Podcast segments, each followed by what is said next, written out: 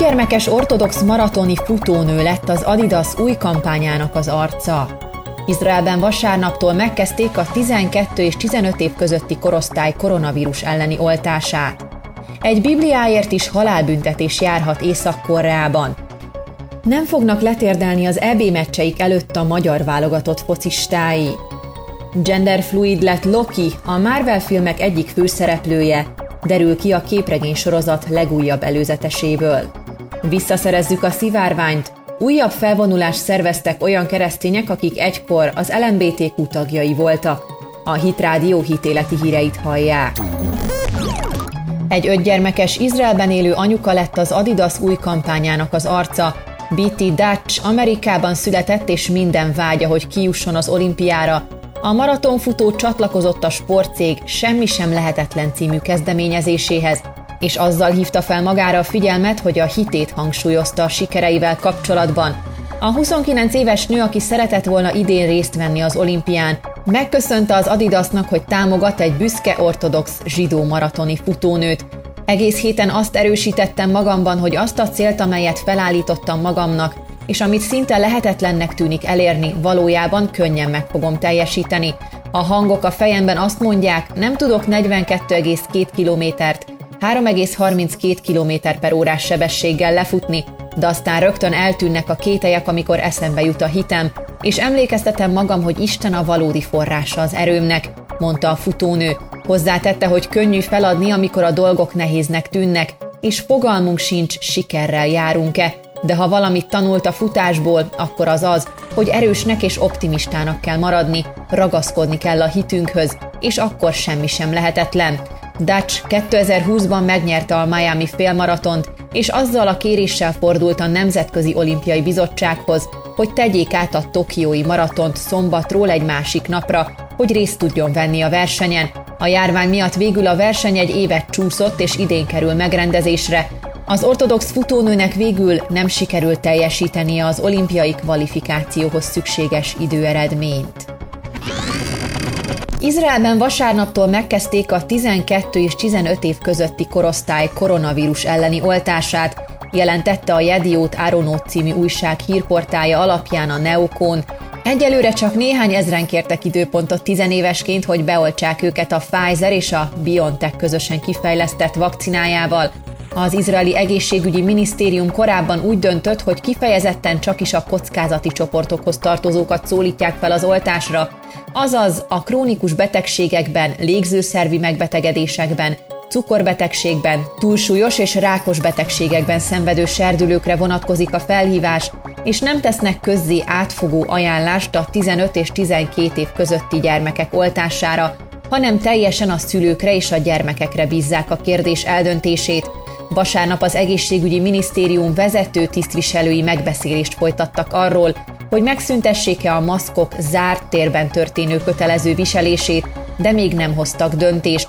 A 9,3 millió főt számláló Izraelben a december végén kezdődött oltási kampány során majdnem 5,5 millió embert, az ország lakosságának 58,67%-át legalább egyszer beoltották a Pfizer és a BioNTech közösen kifejlesztett vakcinájával. A szombati ünnepnapon elvég a szombati ünnepnapon elvégzett 7575 teszt során mindössze négy vírushordozót azonosítottak, jelenleg 230 aktív fertőzöttet tart nyilván az egészségügyi minisztérium. A pandémia megjelenése óta 839.566 koronavírus fertőzöttet azonosítottak, a betegségben tavaly február óta 6418-an haltak meg Izraelben. Új törvényt vezetett be az észak-koreai rezsim a veszélyes méreganyagként definiált külföldi kulturális termékek, például filmek, ruházati stílusok, hajviseletek, de akár slang használat elfolytására. A jogszabály értelmében, ha valakinél az országba rendszerint beszivárgó, nagy mennyiségű dél-koreai, amerikai vagy japán médiaterméket találnak, azt halállal büntetik, írja az Index. Az ilyen típusú anyagok fogyasztásáért pedig akár 15 év munkatábort is kaphatnak a törvénysértők. Ahhoz képest, hogy Kim Jong-un tavasszal bejelentette, hogy rég nem látott éhínségre lehet számítani az országban, biztosra akart menni, hogy a népet továbbra is az állami propagandával etetik, írja a BBC a hírrel kapcsolatban. A szóban forgó jogszabály továbbra is azt szorgalmazza, hogy az észak-koreaiak megfigyeljék egymást és jelentsék a gyanús eseteket. A Daily NK nevű észak-koreai forrásokkal bíró szőuli lap birtokába jutott törvényszöveg alapján, ha egy munkást rajta kapnak a bűncselekményen, az egész gyárat meg lehet büntetni. Ha egy gyerek viselkedik például az állami elvárásokkal ellenkezően, a szülőket is felelősségre lehet vonni. A lap értesülései szerint három tizenévest küldtek átnevelő táborba, mert a K-pop sztárok által viselt frizurát hordtak, és nadrágszárukat a tért fölé csavarták. Az NK déli főszerkesztője szerint a rezsim rájött, hogy egyfajta ellenállást tud létrehozni a más országokból származó kultúrák és stílusok követése. Megjegyzendő, hogy az ilyen tiltott tartalmak főként Kínából, Észak-Korea egyetlen szövetségesétől és kereskedelmi partnerétől szivárognak be a határon, DVD-ken és pendrive-okon. A tiltott tartalmak birtoklásáért, például egy bibliáért akár ki is végzik az embereket, méghozzá úgy, hogy ezt a saját családjuknak és a szomszédoknak is végig kell nézniük, Sokakban azonban erősebb a kíváncsiság a félelemnél. A BBC-nek nyilatkozó két defektőr arról beszélt, hogy nagy kísértés belepillantani abba, mi zajlik a külvilágban, és hogy néz ki valami, ami nem észak-koreai. 20 babája született egy év alatt egy milliárdos házaspárnak béranya segítségével. Alig egy év alatt 21 fősre bővült egy milliárdos házaspár családja, akik azonban ennyinél sem állnának meg, legszívesebben száz gyereket vállalnának. Galip Öztürk török milliárdos, a Metro Holding cégcsoport alapítója, aki főleg a turizmusban, a közlekedésben és a pénzügyben érdekelt cégeivel mindig is nagy családról álmodozott, az anyagiak pedig nem is jelentettek akadályt ehhez, írja a The Sun. Első feleségétől nyolc gyermeke született, második feleségével pedig Grúziában találkozott, aki 33 évvel fiatalabb nála, Krisztinának már szintén volt egy gyereke előző kapcsolatából. Tavaly márciusban született meg első közös gyerekük a férjével Béranya segítségével.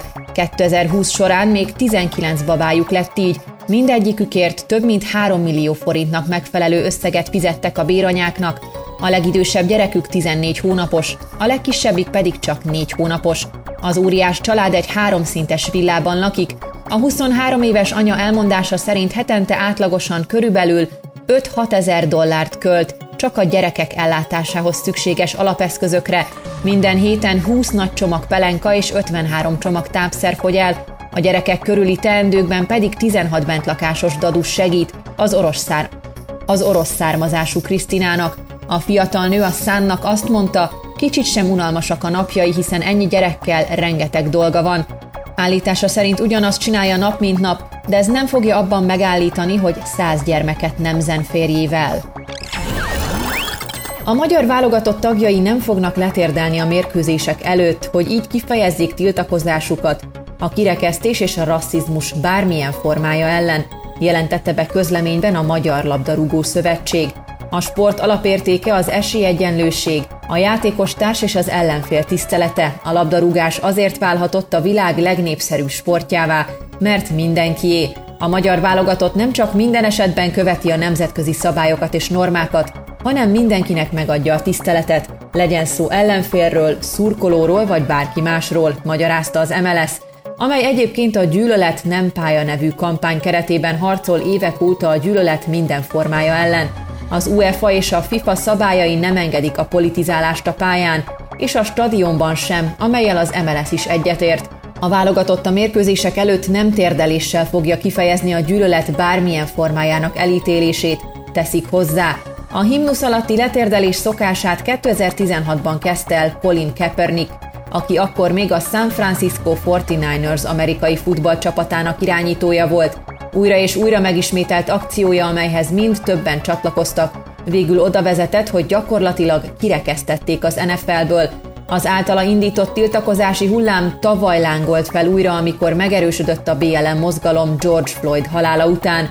Az angol labdarúgó Premier League meccseinek például szerves része lett a térdelés, és az is biztos, hogy az angol válogatott játékosai az EB-n is bemutatják majd a tiltakozásnak MF formáját, a Tokiói olimpián ilyesmiért azonban büntetés jár majd. A Disney Plus legújabb bemutatójából kiderült, hogy a Marvel univerzum egyik leghíresebb szereplője, Loki, genderfluid. A skandináv mitológia szerint Loki Odin főisten örökbefogadott fia, aki a csíntevések istene, féltestvére pedig nem más, mint Thor. A CNN azt írja, hogy még sosem említették a szereplő nemét az eddigi kassza filmekben, azonban a rajongók elkaptak egy jelenetet a Loki című legújabb sorozat bemutatójából. Ebben látszanak a hatóságok által kiállított nyilvántartási papírok, amelyen a Tom Hiddleston által alakított karakter neme is szerepel, mellette pedig a fluid szó olvasható. A hír villámgyorsan elterjedt a közösségi médiában, főleg mivel a Pride hónap elején jött a bejelentés. Újra meneteltek Washingtonban az LMBTQ egykori tagjai, akik mára már keresztény hívőként élnek és visszatértek biológiai nemükhöz. A Szabadság menet nevet kapott felvonuláson körülbelül 200 ex-meleg vett részt, és megosztották mindenkivel, hogyan tértek meg Krisztushoz. Tavaly a koronavírus miatt elmaradt az esemény, idén szivárványos pólóban vonultak, és köztük volt Ángel Kolon is, akit Omar Matin terrorista lőtt meg a Pulse éjszakai bárban még 2016. júniusában Orlandóban.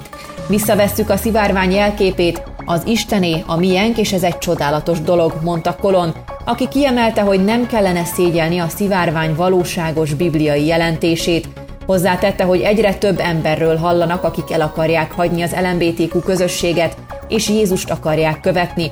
Úgy hiszi, hogy a koronavírus áruhába bújtatott áldás volt, és sokakat arra kényszerített, hogy Istenhez forduljanak.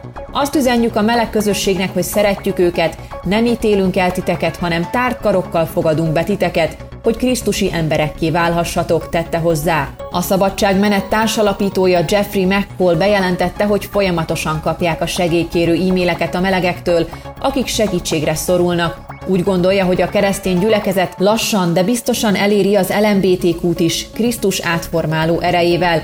Kim Zember, a menet katolikus elnöki tagja elmondta, hogy véleménye szerint a konverziós terápia kifejezés félrevezető.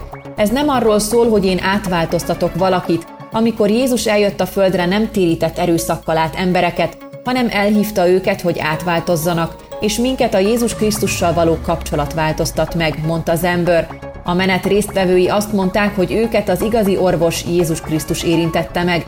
Ő nem erőszakkal változtat át bennünket, ez nem egy doktrína vagy a gyülekezet egyik tanítása, hanem Jézus személyesen osztja meg velünk, miért érdemes folyamatosan változnunk, mondta az ember, aki szerint a melegekkel való hatásos kommunikáció érdekében a gyülekezeteknek alázatosan kellene viszonyulnia az LMBTQ közösséghez, és megértenie, hogy az megtört emberekből áll, amilyenek egykor keresztények is voltak megtérésük előtt. A menet során három órán keresztül osztották meg bizonyságaikat a résztvevők, akik dicséreteket is énekeltek a Lincoln emlékműnél. A mozgalom tagjai megosztották aggodalmukat az egyenlőség törvényel kapcsolatban is, amelyet Joe Biden vezetne be, és amelyel a vallásszabadság fölé emelnék az LMBTQ közösség tagjait, és kriminalizálnák azok megsértését. Az ex-melegekkel foglalkozó Change nevű mozgalom társalapítója Elizabeth Böning, aki egyben lelkész is elmondta, hogy a liberálisok érzik magukénak ezt a törvényjavaslatot, miközben az igazi liberális gondolkodást tönkreteszik Amerikában. Egy igazi liberális gondolkodás megértő, sőt többféle gondolkodásmódot, ideát is elfogad, folyton tanul, rugalmas annak érdekében, hogy másokat is el tudjon fogadni és értékesnek tarthasson. Az igazi liberális értékeket elnyomják Amerikában, mondta.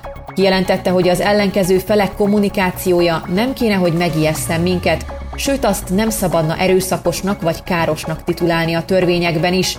Elmondta azt is, hogy nemrég egy biszexuális nővel beszélgetett, akinek felesége is van, és elmondta neki, hogy korábban megerőszakolta egy férfi, és ez kihatással volt nem csak a szexuális beállítottságára, hanem a nemi kapcsolataira is, azonban ezen aggájait nem tudta megosztani senkivel az LMBTQ-n belül, mert gyűlölködőnek titulálták volna érte.